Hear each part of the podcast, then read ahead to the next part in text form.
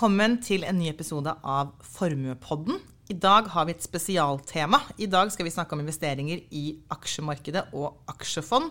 Og til det så skal jeg bare med en gang ønske velkommen til Nicolas Guttormsen, som er leder for aksjer her hos Formue.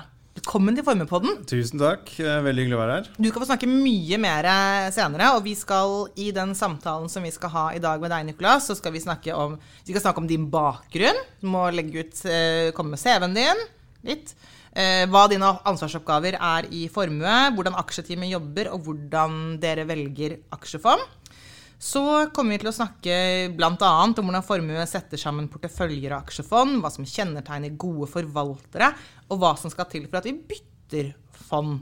Og avslutningsvis så eh, kommer vi også innom debatten rundt aktive kontra passive fond. Men før du får slippe til skikkelig, Nicolas, så um, vi har selvfølgelig med oss som alltid Christian Lie, sjefstrateg i Formue. Og vi kan ikke hoppe over vår faste spalte, spesielt ikke nå, da om hva som har skjedd i finansmarkedene og verdensøkonomien siden sist. Så Christian, vil du forsøke å oppsummere litt kort eh, så vi rekker å snakke med Nicholas også. jeg skal gjøre så godt jeg kan.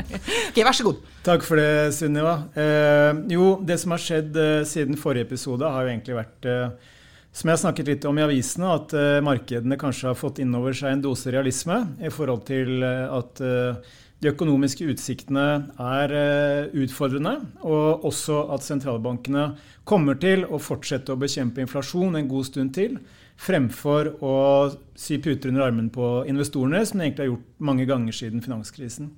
Så det har ført til eh, ganske store utslag eh, på børsene, og der har faktisk Oslo Børs vært en av de svakere børsene i, i verden eh, de siste fire ukene, hvis vi tar det, den perioden isolert sett. Og det skyldes jo bl.a. en ganske betydelig tilbakegang i oljeprisen.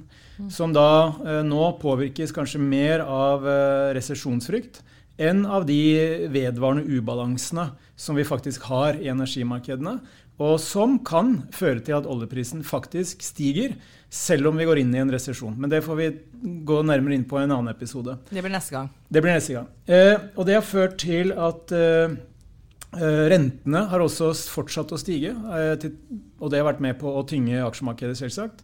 Men stigende renter og stigende risikopåslag i oblasjonsmarkedet, altså investorene krever bedre betalt for å låne penger til selskapene, det har også ført til en ny eh, svekkelse i verdien av globale obligasjoner.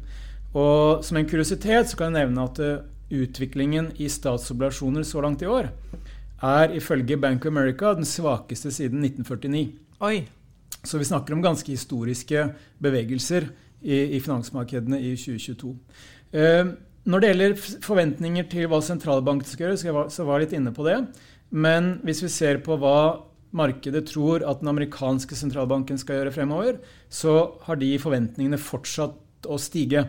Og nå forventer markedet at den amerikanske styringsrenten vil være på nesten 4,7% i løpet av sommeren neste år. Og Det er jo en ganske betydelig endring i markedets oppfatning av hvor styringsrenten i USA skal. Og det har vært en bidragsyter også til en ganske dårlig stemning. Mm. Og Da har vi snakket litt om aksjer, vi har snakket litt om obligasjoner og renter, men vi må også snakke litt om valuta. Fordi gjennom 2022 så har vi sett at det har vært en eh, nesten sånn megatrend i den amerikanske dollaren. Den har styrket seg ekstremt mye mot veldig mange globale valutaer. Og f.eks. da mot den norske krona så har eh, dollaren da styrket seg med nesten 22% siden årsskiftet. Eh, og mot f.eks. da mot eh, det, det britiske pundet, som jeg skal komme litt inn på, så har dollaren da styrket seg med nesten 9% bare på fire uker. Og det er klart at en sterk dollar, som vi har vært litt inne på tidligere episoder, det, det, det, det er, på, er godt, er, på, godt, og vondt. Det eneste positive egentlig, som er bra med en sterk dollar, det er at det demper den importerte inflasjonen i USA. Det er med på å gjøre Fed sin jobb litt enklere.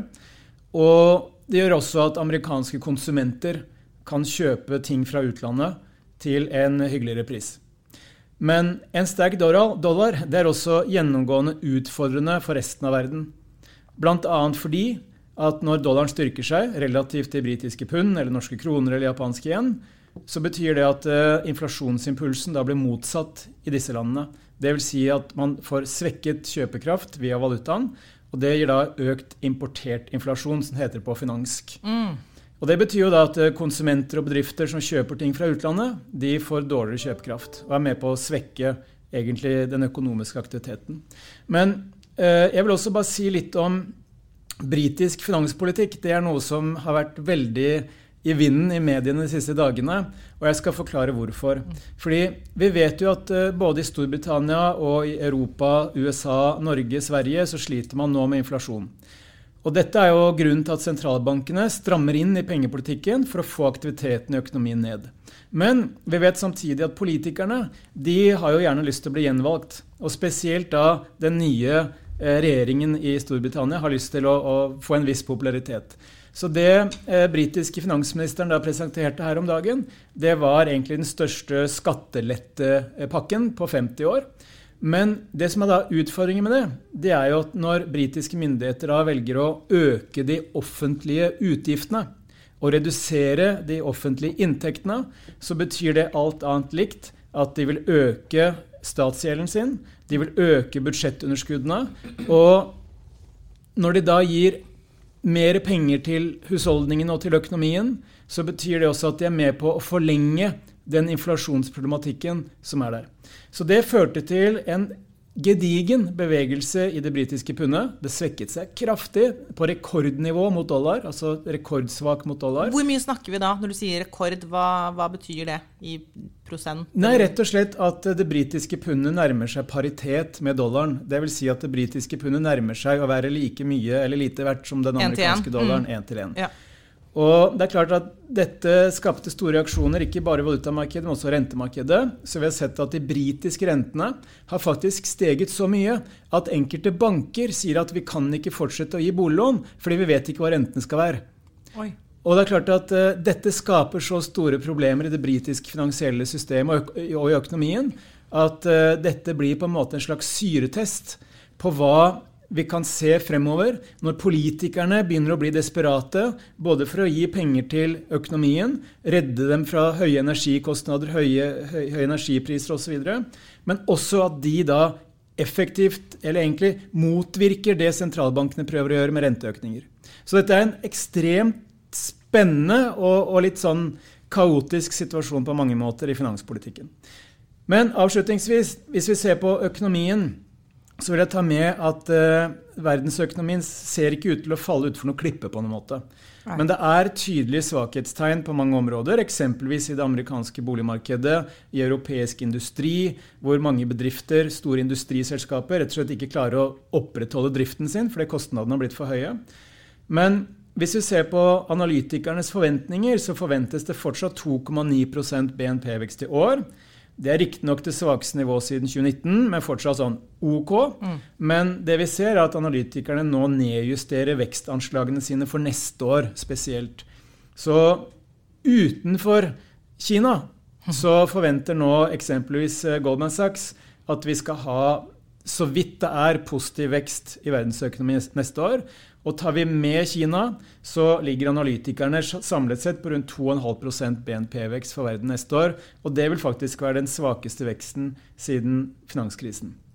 Men så skal det også tas med at 2,5% BNP-vekst det er ennå ikke en global resesjon hvis, hvis 2,5 eh, realiseres. Arbeidsmarkedene ser fortsatt sterke ut. Det er mangel på arbeidskraft.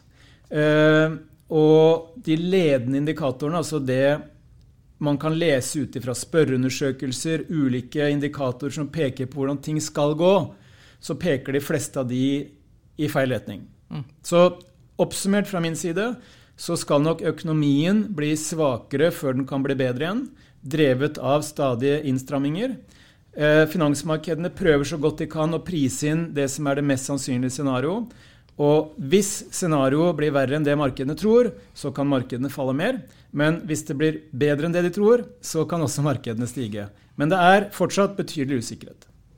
Yes, det var veldig bra, Kristian. Takk for Det var ganske kort. Det var, det var ganske kort når det har skjedd så mye. Og jeg merket det veldig mange ting jeg ville spørre mer om her. Men vi må snakke neste gang om dette med oljepriser og resesjon og hvordan For det ble jeg veldig nysgjerrig på hvordan dette egentlig henger sammen. Men det skal vi ikke gjøre nå, fordi vi har jo, som allerede nevnt, en gjest her. Så igjen, velkommen til deg, Niklas Guttormsen. Du jobber da altså med eh, aksjer i, eh, i formue. Vil du starte bare litt med å liksom presentere deg selv og din bakgrunn? Ja, det kan jeg godt gjøre. Vi får jo litt sånn uh, uh, Minner litt om de tidene man satt med før jeg kom til Formue, for da jobbet jeg i London under finanskrisen. Ja! Og det, det var jo litt tøffere tider det enn der vi er i dag, fordi da var det absolutt ikke mangel på arbeidskraft, i hvert fall etter hvert. Eh, så Da ble det overskudd. da ble det veldig stor overskudd, og om vi kommer dit noen gang, det tror jeg ikke, men uh, det er en litt annen tid vi er i her, da. Uh, men jeg har jo uh, vært i formue siden 2010. uh, og før det så jobbet jeg da som nevnt i London hos en fondsforvalter, blant annet. Um, og her i formue så har jo vi vært gjennom uh, mange år med hva skal man si, en, en generell oppgang i aksjemarkedet egentlig helt siden jeg startet i 2010. Det har jo vært en, en, Hvis man ser på en graf i disse dager, så ser man at den ser nesten bare sånn sakte stigende ut eh, i den perioden her. Så ehm, det, det jeg tenker gjennom alle disse årene, er at både vi som selskap har jo utviklet oss masse. Eh, markedet er i endring, alltid. Eh, og det blir jo aldri en kjedelig dag på jobb, for det er alltid noe nytt som skjer. Og Kristian oppsummerte jo enormt mye bare på en kort tid her, av Ja. alle de tingene som skjer hver eneste dag. Mm. og sånn er det med oss også. Vi på aksjesiden vi, eh, vi må følge med, men vi prøver å ha veldig langsiktige briller på oss i alt vi gjør. Hvor langsiktig du sier veldig langsiktig, for meg som da er helt eh, ikke kan noen ting om dette? Ja, altså, man kan godt ta utgangspunkt i måten vi har eh, valgt å tilgjengeliggjøre en del av disse forvalterne til våre kunder. Eh, og vi har jo bl.a. det vi kaller aktive fond. ehm, som vi setter sammen i porteføljer, som, som våre kunder kan da ta, være med på. Ehm, og når man snakker om aktive fond, så er det jo slik at det finnes ikke det perfekte aksjefondet der ute. Det Nei. finnes ikke. Det er ingen fond som over tid systematisk hele tiden klarer å generere en avkastning utover den eh, indeksen f.eks. de skal prøve å slå. Eh, og det, man, det vi ser på, er jo at det fins veldig mange ulike veier til rom. Altså Aktive forvaltere som, som gruppe har jo hatt et veldig ja, jeg kan si egentlig veldig tøff periode helt siden jeg startet i formue. Eh, det vil si at det har vært få aktive fond som egentlig har hatt en god historikk mot en indeks. Være seg en global marked, eh, amerikansk marked, europeisk marked. Her i Norden også har, har det vært eh, mindre enkelt for aktive fond å slå markedet de siste tiårene enn det det var f.eks. før finanskrisen. Mm. og når man ser på aktive fond som vi gjør, så, så så må du ha en god klype langsiktighet. Fordi de forvalterne som vi velger, er jo veldig langsiktige selv. De kan ha en strategi som, som på en måte er veldig out of favor i en periode. Eh, og det trenger ikke være dems dårlige aksjevalg som gjør at det går dårlig. Det er rett og slett den, den strategien de har. Hva slags type aksjer har de? Hva slags type eh, aksjer prefererer de å sitte på over tid? Eh, som avgjør om de ser gode eller dårlige ut i en periode. Hva slags typer aksjer kan det være, da? Altså, I disse dager så skulle jo alle fond helst hatt mye energi, f.eks. Mm. Det, det har dere snakket om mye. At, og det er når, når energi globalt er opp 40% mens alt annet er, faller, så er jo da de aktive fondene som allerede hadde det som en, eh, på en måte et eh, Innen sitt investeringsunivers da, så har de definert hva slags type aksjer de leter etter. Og hvis f.eks. energiselskaper eller, eller eh, oil service-selskaper eller noen sånn er, faller inn under den type selskaper de liker, eh, basert på prising, basert på, på, på andre ting, så, så har jo de hatt et veldig godt år. De forvalterne som er der. Og, og når man tenker på aktive fond, så er det ikke sånn at for de, de proffe miljøene, de langsiktige miljøene, de går ikke inn og ut av enkeltaksjer, inn og ut av sektorer, eh, inn og ut av regioner og land, eh, basert på det kortsiktige støybildet. Eh, det kan godt ha en hedgefond, hedgefond gjøre, veldig kortsiktige strategier, mens våre forvaltere og, og gode institusjonelle forvaltere ute, de er jo veldig langsiktige. Men, men, jeg tenker på litt av bakgrunnen for hvorfor de er langsiktige, er jo også fordi at uh, forvalterne ønsker å ta del i den verdiskapningen som disse selskapene kan generere over tid. Og hvis man som forvalter skal prøve å gjøre noe annet, altså prøve å time sektorer eller prøve å time markedet fra uke til uke eller måned til måned, så blir jo det markedstiming, hvor man da risikerer å gå glipp av den verdiskapningen som selskapene skaper over tid, mm. fremfor over natta. Mm. Så det er jo litt av grunnen til at du også er langsiktig i, i, din, i, i dine valg av forvaltere også, at de må liksom få tid til å kunne realisere de verdiene som ligger i aksjene de kjøper. Ja, og, og, dette går jo i bølger. Mm. Det er jo perioder hvor noen type eh, Hvis man kan ta ytterpunktene som vi ofte snakker om her, da, er jo på en måte de Kall det vekstselskaper, som er, eh, kanskje ikke tjener like mye penger i dag, men som har stor forventning om at de skal tjene mye penger i fremtiden. Mm. De har jo blitt hardt rammet med, med økte renter nå, f.eks.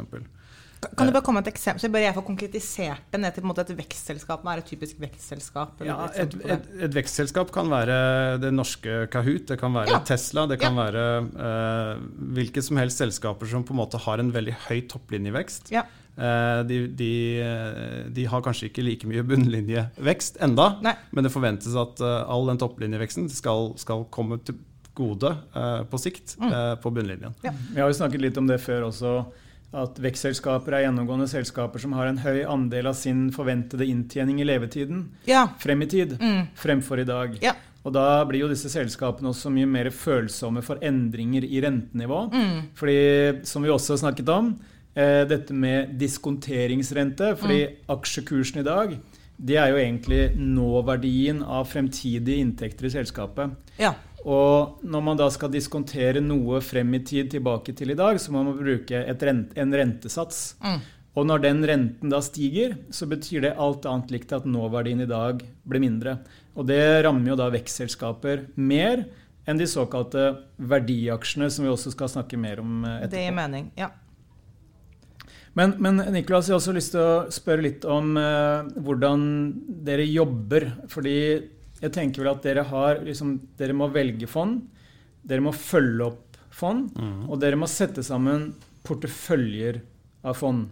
Kan dere si litt om, eller du, du sier litt om de tre tingene? Ja, det var jo godt oppsummert. Hvis man skal si det veldig enkelt, så er det kun det vi gjør. Um, og, og, Jeg kan jo gi et eksempel fra f.eks. For forrige uke. Da En typisk uke for oss var at vi har oppfølgingsmøte med forvaltere vi er investert i. Altså For å følge opp de, og hva er det de tenker, og hva er det de eventuelt uh, reflekterer rundt i sin porteføljer med dagens situasjon, som du har gått gjennom. Um, og da kan det være um, forvaltere som f.eks. har hatt en veldig god periode nå, ser veldig gode ut nå Uh, mens vi har møte dagen etter med en forvalter som virkelig har slitt. i mm. denne perioden. Og Vi har disse ulike forvaltningsstilene i vår portefølje, så det vil alltid være noe som er litt trått, og alltid noe som kanskje går veldig ok.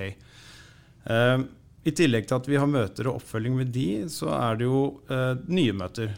vi hadde vel forrige uke to eller tre nye forvaltere som vi ikke er investert i, som, som, vi ønsker å Hva skal man si? Vi vil alltid ha møte med andre fond og forvaltere som kan utfordre de vi har i dag. Eh, og det kan også en, komme en tid hvor vi kanskje har behov for noen av de andre. Dvs. Si det skjer noe i porteføljen eh, i, en av de eksisterende løsningene. F.eks. at eh, noen slutter. Key people forlater selskapet. Og da vil jo vi normalt selge oss ut. Og da er det veldig greit å ha kanskje brukt et år eller to eller tre og blitt godt kjent med et annet miljø som man er trygg på, har hatt møter med, eh, aldri investert i, men har hatt møter med. Eh, og da kan man ha det, det, vi kaller en short liste av de forvalterne vi følger litt tettere. Så da kan de komme inn i porteføljen uten dramatikk og eh, med all enkelhet. Mm. Men når det gjelder valg av fond, da, som var den første av de tre tingene som vi snakket om, eh, hva er det som eh, kjennetegner et bra forvaltningsmiljø og et bra fond? Hva er det som får deg til å tenke at yes, dette ser virkelig bra ut? Jeg tror det er ingen, ingen investeringer man gjør som på en måte eh, hvor alle alle ting kan hukes av og si check, check, check. check. Det, sånn vil det aldri være. Eh, det som jeg tror er viktig for oss, er jo at ettersom vi velger virkelig aktive fond, altså fond som avviker betydelig fra den indeksen de investerer i, for å kunne slå den indeksen de investerer i, så, så har i hvert fall vi eh, fått en preferanse for eh, langsiktige investeringsmiljøer. Dvs. Si de institusjonelle, store eh, eh, ofte partnerskapdrevne selskaper eh, som har eh, mer sammenfallende interesser med oss og våre kunder. Så man kan jo tenke seg at eh, noen har startet et selskap, brukt sin egen kapital, kanskje et par-tre partnere har startet noe. Brukt mye av uh, sin egenkapital for å både starte bedriften, og hvis de er suksessfulle over tid og klarer å attrahere litt mer penger, kanskje litt mer ansatte, så begynner de også å investere sin egenkapital i disse løsningene. Uh, og det som også ofte kjennetegner partnerskap i den forstand, at de, de, har jo insentivordninger som på en måte er in line med investorene. Eh, skin in the game. Skin in the game. Eh, og, og de er jo alle lang, veldig langsiktige, insentivert til at den porteføljen de driver, skal gjøre det best mulig over tid. Um, og de har en kundemasse som forstår investeringsstrategien og er tålmodige sammen med forvalterne. Mm. Uh, og det tror jeg er uh, ganske viktig for det å sitte og handle fond som om de var enkeltpapirer, altså enkeltaksjer. Det er ikke en god proposisjon. Um, fordi når man snakker om aktiv forvaltning, så er Man har ofte lest denne, uh, denne, lille notisen i bunnen av et ark innenfor, uh, innenfor, finans hvor det står at historisk avkastning er ingen god garanti for fremtidig avkastning. og sånn er det faktisk også med aktive fond. Mm. Altså, dessverre så er det jo, når vi ser på fond der ute, så er egentlig ikke den historikken de har skapt, en veldig god guide på hvordan det skal gå i fremtiden. Altså, vet man, man, vet ikke hvordan det skal gå i fremtiden. Nettopp, og Derfor må vi ha noen knagger å henge det på. Ja. Og Noen av de knaggene handler jo om dette med skin and games. som sagt. Gjerne et fokusert miljø som kanskje ofte driver bare med én ting.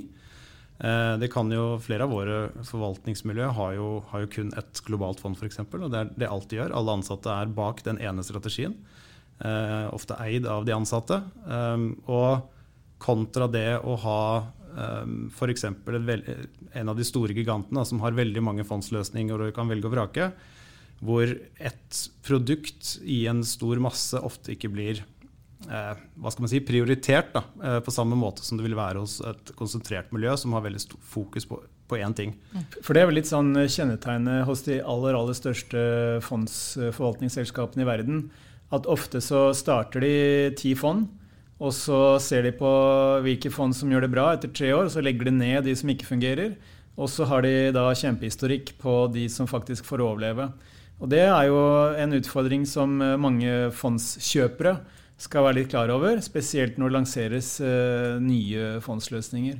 Men jeg har lyst til å spørre deg også, Nicholas, fordi uh, du investerer jo i en del aksjefond som jeg før jeg begynte i Formue aldri hadde hørt om.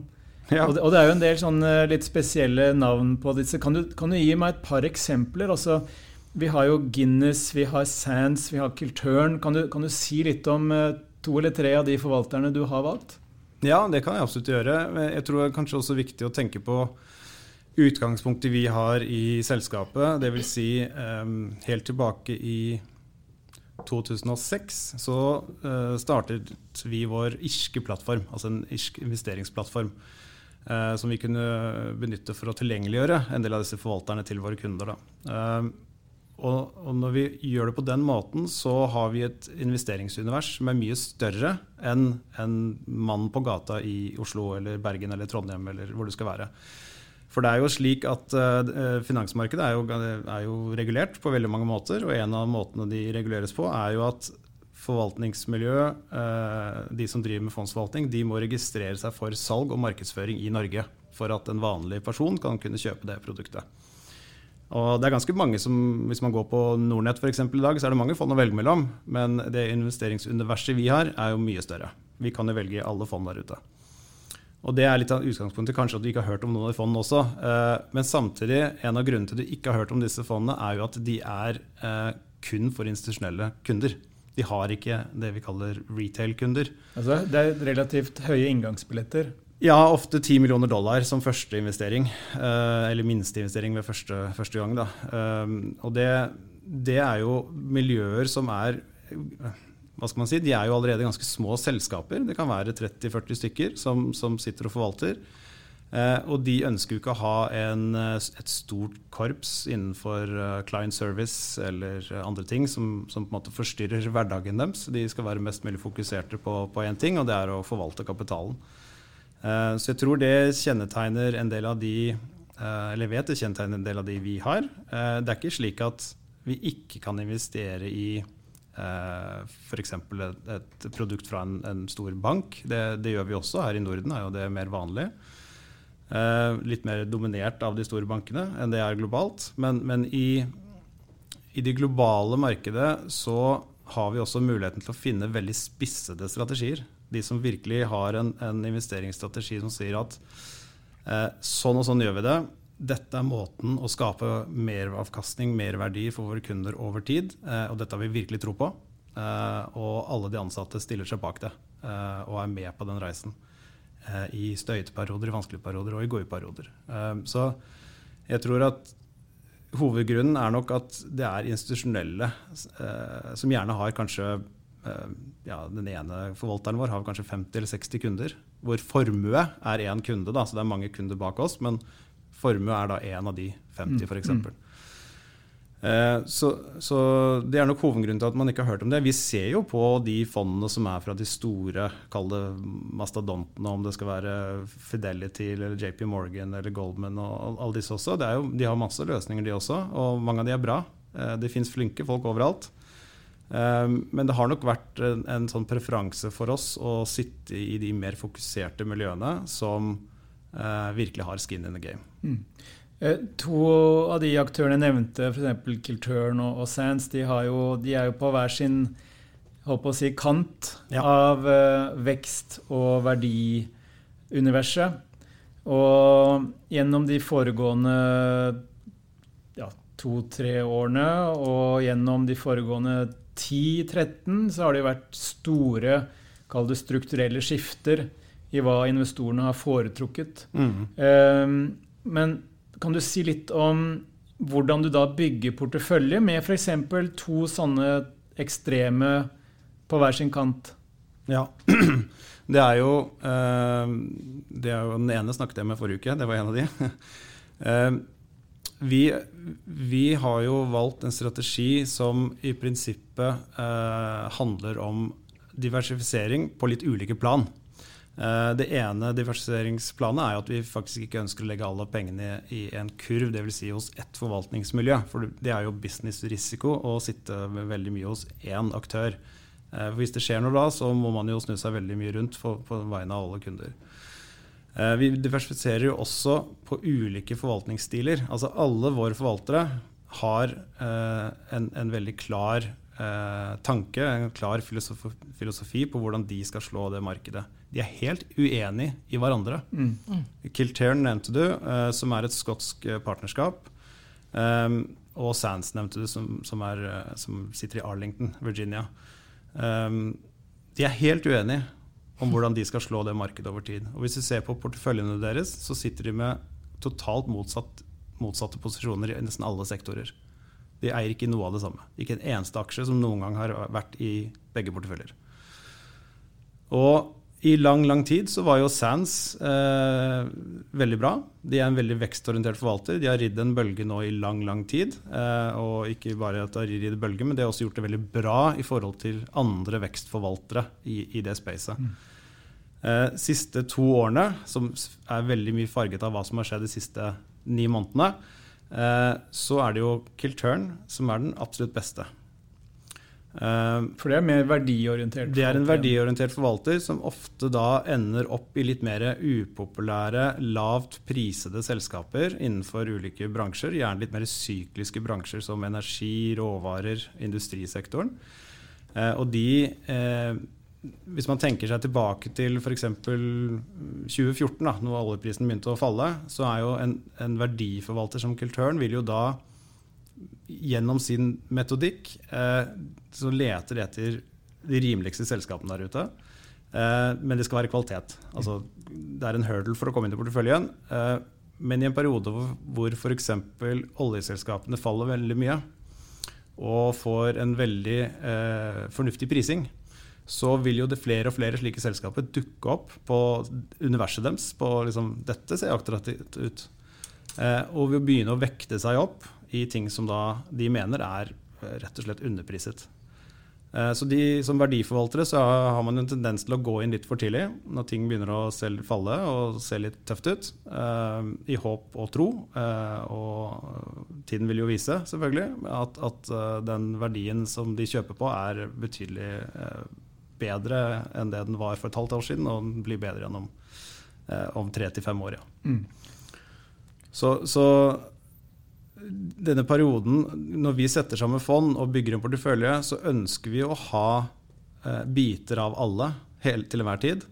Og så handler det om å på en måte eh, gjøre marginelle vektingsendringer da, eh, innad i en portefølje. Mm. Eh, litt sånn rebalanseringstankesett. Eh, det er helt umulig å time eh, om Kilturn skal være den beste de neste tre måneder, eller om Sands plutselig får en ny renessanse på tre måneder. Mm. Uh, de skiftene kommer ofte veldig raskt. Uh, og det, det er uh, Eneste måten å gjøre dette her fornuftig, langsiktig, over tid for våre kunder, er å ha god diversert portefølje. Og så må vi stole på at forvalterne våre virkelig gjør sitt ytterste hver eneste dag for, å, for at vi skal få resultater. Mm.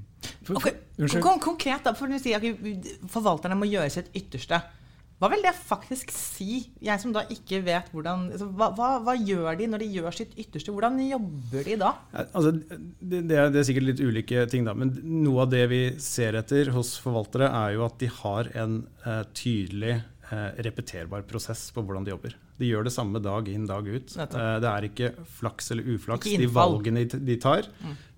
og de forholder seg til sin strategi hele tiden. Mm. Um, det vil si at du du, vi ønsker ikke å se at en forvalter plutselig endrer eh, måten de investerer på, eller måten de eh, eh, går inn i posisjoner på, går ut av posisjoner på. De, de, holder seg til det de har gjort tidligere. For vi måler dem på det de har gjort tidligere, med ønske om at de skal fortsette å gjøre det fremover mm. også. Og eh, jeg, jeg, tenker jo at eh, noen noen er, kan være dyktige over tid og, og handle litt enkeltaksjer opp og ned og sånn de færreste klarer det. Våre forvaltere er veldig langsiktige i sine investeringsvalg. Eh, noen av de har nesten ikke gjort noen endringer hittil i år. i en av de tøffeste periodene vi har vært gjennom. Eh, Guinness som du nevnte, gjorde noen endringer nå først nå i juli. Ingen endringer før det. For det er en ganske sånn defensiv, eh, utbytteorientert forvalter, er det ikke det? Utbytteorientert forvalter med, med en historisk en, en, veldig god defensiv profil, eh, som, som, klarer seg veldig godt i sånne perioder vi er gjennom nå. Mm. Eh, til tross for at de heller ikke har energi. Altså de har null energi. Så en del forvaltere velger å ikke ta i sånne typer selskaper som Eh, hvor ikke det er ledelsen i selskapene som, eh, som, avgjør hvordan den cashflowen blir, men det er faktisk en, en eksogen faktor som oljeprisen som, mm. som er mest viktig for, mm. Eh, for lønnsomheten. Mm. Så de holder seg rett og slett unna det, men har klart seg veldig greit allikevel. Mm. Du har jo sagt en del om hva du liker ved forvaltere, og som gjør at du kanskje velger å investere i. Men hva er det som får de røde lysene til å blinke, og hva er det som skal til for at du bytter ut en forvalter? Jeg tror at kanskje noe av det viktigste vi gjør, er jo å følge opp forvalterne som vi har investert hos, uh, løpende. Én eh, ting er å se på tallene og porteføljene og, og sånne type ting. Det, det, det, kanskje det viktigste for oss og for våre kunder er nok at vi har kontroll på organisasjonen. De mer softe faktorene. At det ikke er store endringer organisatorisk. om det er Eh, f.eks. personell som, som, enten blir byttet ut eller forlater selskapet. Eh, eller om det er eierskapsendringer i hele, hele systemet. Eh, sånne type ting kan gjøre at man mister en del fokus fra det de egentlig mm. skal gjøre. så mange eksempler fra, fra vår side hvor, hvor, selv om vi investerer i partnerskap, så skjer det ting betydelig mindre enn hvis man uh, ser på uh, andre typer fond, da, som er kanskje i banker og den type ting, hvor, hvor, personell endres oftere.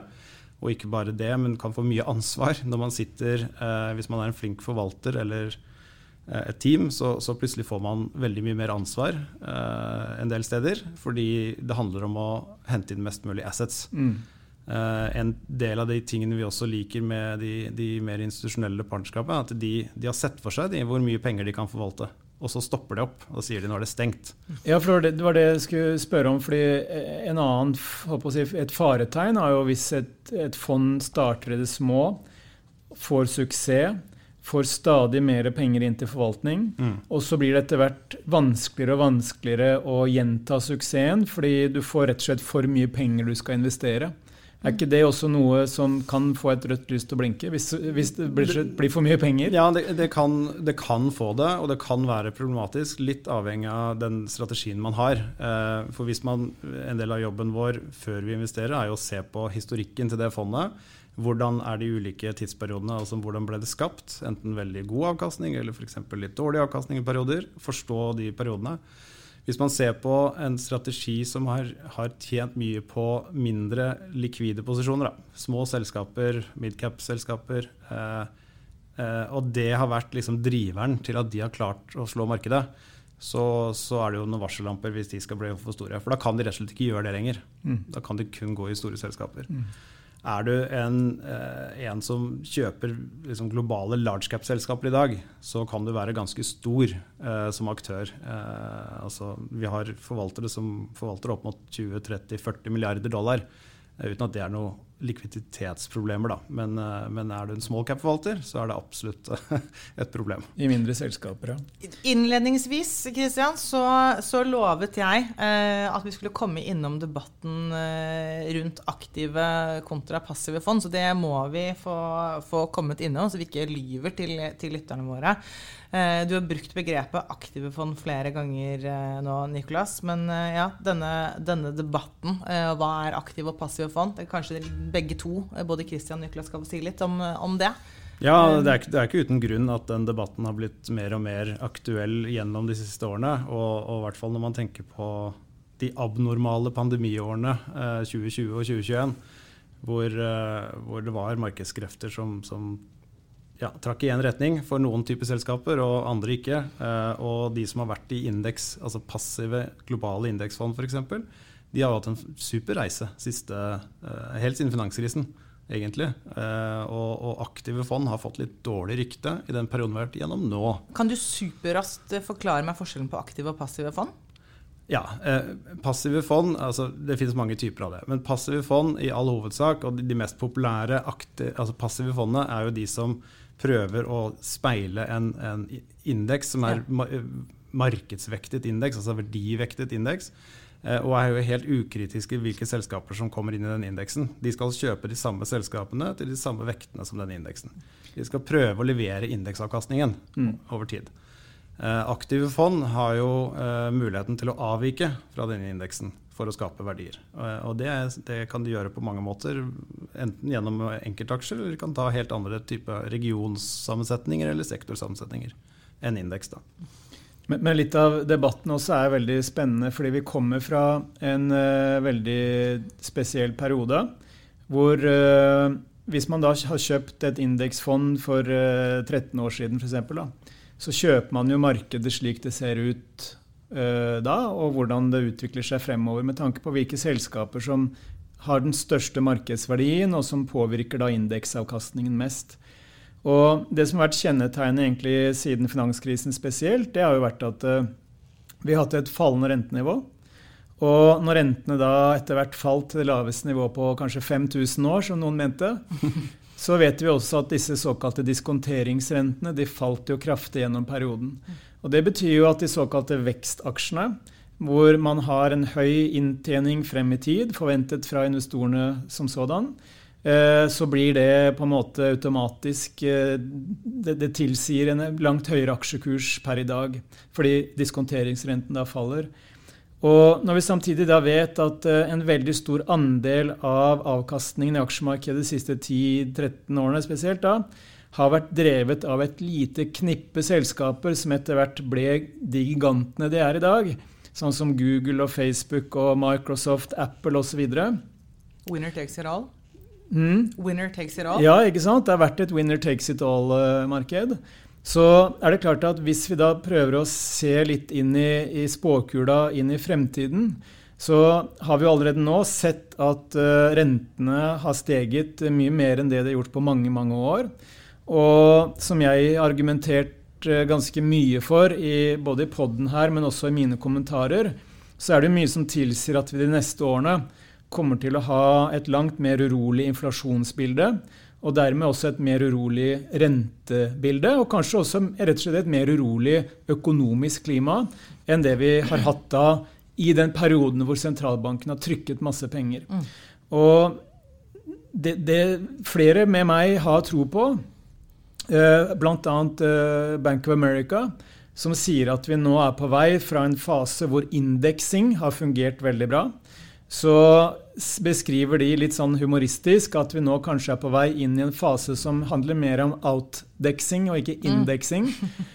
Og kort oppsummert, det kan jo Nicolas også utdype, men det som skal til for at aktive fond skal gjøre det bra over tid, det er jo at man har ganske store forskjeller mellom utviklingen i ulike deler av næringslivet og ulike deler av bransjer, sektorer og land osv. Slik at det blir muligheter til å kapitalisere på rett og slett muligheten da til å velge investeringer og velge bort investeringer. Og det er i motsetning til passiv forvaltning og indeksforvaltning, hvor man egentlig som investor kjøper litt blindt. Mm. Man bare kjøper markedet sånn som det er, på godt og vondt. Så hvis vi de neste årene får et mer urolig markedsklima med større dispersion, som vi kaller det på Hamar, altså større forskjell mellom aksje, altså avkastningen hos ulike selskaper, så vil det kunne bli langt større muligheter for aktiv forvaltning enn det det har vært i pengetrykkingens eh, æra. Jeg tror det er et viktig poeng dette med at det blir avkastningsforskjeller innad i f.eks. en sektor eller innad en region hvor det har vært veldig, eh, veldig korrelert. Eh, det var noen sånne ekstremår som 2017, hvor liksom alt gikk i tandem oppover. Da var, det, da var vi i en verden hvor det var liksom global, synkronisert vekst. Alle var enige, og, og alle sektorer gikk. Og null volatilitet. Og null volatilitet. eh, og det er jo sånn at hvis en forvalter som skal se på en, et selskap, eh, har mulighet til å si at ja, selskap A eh, ser ut til å gjøre ting på en litt smartere måte enn selskap B. Eh, men de siste fem årene så har de oppført seg helt likt, for de har vært innen samme sektor, samme bransje. Men langsiktig så har de da en tro på at nei, selskap A det er nok preferert mm. eh, over tid. Eh, så den, det at noen selskaper naturlig faller litt fra eh, når du får sånne litt andre konkurransebilder og, og får litt mer variasjon i, i, eh, i eh, inntjening og, og utsikter, så, så, så, tror jeg aktive fond i hvert fall har en høyere odds for å lykkes. Eh, vi er ikke, vi er ikke imot passiv forvaltning i formue, men, men det, det, har vært veldig lav altså høy korrelasjon mm. innenfor en del bransjer som gjør at det er vanskelig for aktiv forvaltning. Men det er altså en debatt, så det er ikke alle som er enig med deg der i at det er det som er lurt nå? Ja, si det. Debatten handler mye mer om eh, kanskje om alternative eh, plasseringer kontra ja. bare eh, altså en aktiv okay. på aksjer. Mm. Eh, så jeg tror nok mye av debatten har dreid, dreid seg mer om andre typer tilgangsklasser. da. Uh, kontra den, ja. den tradisjonelle 60-40-porteføljen, som på en måte har vært litt sånn uh, spesielt i år har vært veldig tøff, fordi ja. både aksjer og renter har falt samtidig. Mm, mm. Uh, og det har vi ikke vært vant til. Ja. Og så er, det, er det vel Det er jo ikke sånn at dette er noen svart-hvitt-debatt heller. Nei, nei. Fordi vi i Formue vi tilbyr jo begge deler, både passive fond og, og, aktive fond. Men, men, jeg tenker også at i, i forlengelsen av litt av det jeg var inne på, da, det grønne skiftet og dekarbonisering, alt dette her, det vil jo forutsette ganske mye på teknologisiden, men det vil også forutsette veldig mye på tilpasningssiden hos uh, selskapene og næringslivet. Mm. Og det er klart at Vi kan ikke forvente at alle selskaper vil lykkes med teknologien sin fremover. Og vi kan heller ikke forutsette at alle selskaper vil tilpasse seg på en like effektiv og lønnsom måte som, som, som andre. Og da vil også selve det grønne skiftet og alt det vi skal gjennom de neste årene, også være en kilde til avkastningsforskjeller Absolutt. mellom ulike selskaper i ulike bransjer og land osv. Ja. Vi er dessverre nødt til å runde av ganske, ganske nå. Så Kristian, har du noen siste kommentarer eller spørsmål til Nicolas før vi går inn for landing eh, nå? Um, ja, vi har vært gjennom ganske mye. Men vi må jo liksom oppsummere litt hvordan har det gått med, med forvaltningen hos oss. Mm. Uh, og hvis jeg ikke oppfatter helt feil, så har vel avkastning omtrent på linje med eh, det globale markedet så lenge vi har holdt på, men til en lavere risiko. Ja. Det vil si at vi har høyere risikostert avkastning enn referanseindeksen. Ja, eh, Den langsiktige historikken er, er, veldig god. Så har vi hatt en litt tøffere periode i det siste, med, med, med selvfølgelig at absolutt avkastningen har jo vært Det er ikke noe sted å gjemme seg. Uh, hos oss heller. Uh, alle, alle, aksjefond har stort sett falt i verdi. Ja, For det er jo ikke sånn at du kan velge å selge aksjen og gå halvparten i cash? Nei, da kan våre kunder heller gjøre det på, på, en annen måte. Uh, F.eks. øke cash eller ja. pengemarked. for din jobb er å investere i aksjer? Vi, vi, dessverre, kan man jo si, vi skal være fullinvestert til enhver tid. Ja. og, og da, da, må vi med, tåle å være med ned. Og vi prøver å delta så godt vi kan på oppsiden når, når ting snur. Mm. Var, eh, da fikk du det siste spørsmålet, Kristian. Ja. Da tror jeg vi runder av, og da er det bare å si tusen takk til deg, Niklas Guttømsen, leder for aksjer i formue, for at du ville komme hit til Formuepodden til meg og Kristian. Det var veldig hyggelig. Ja, veldig hyggelig. Tusen takk for at jeg fikk komme. Takk til deg som lyttet.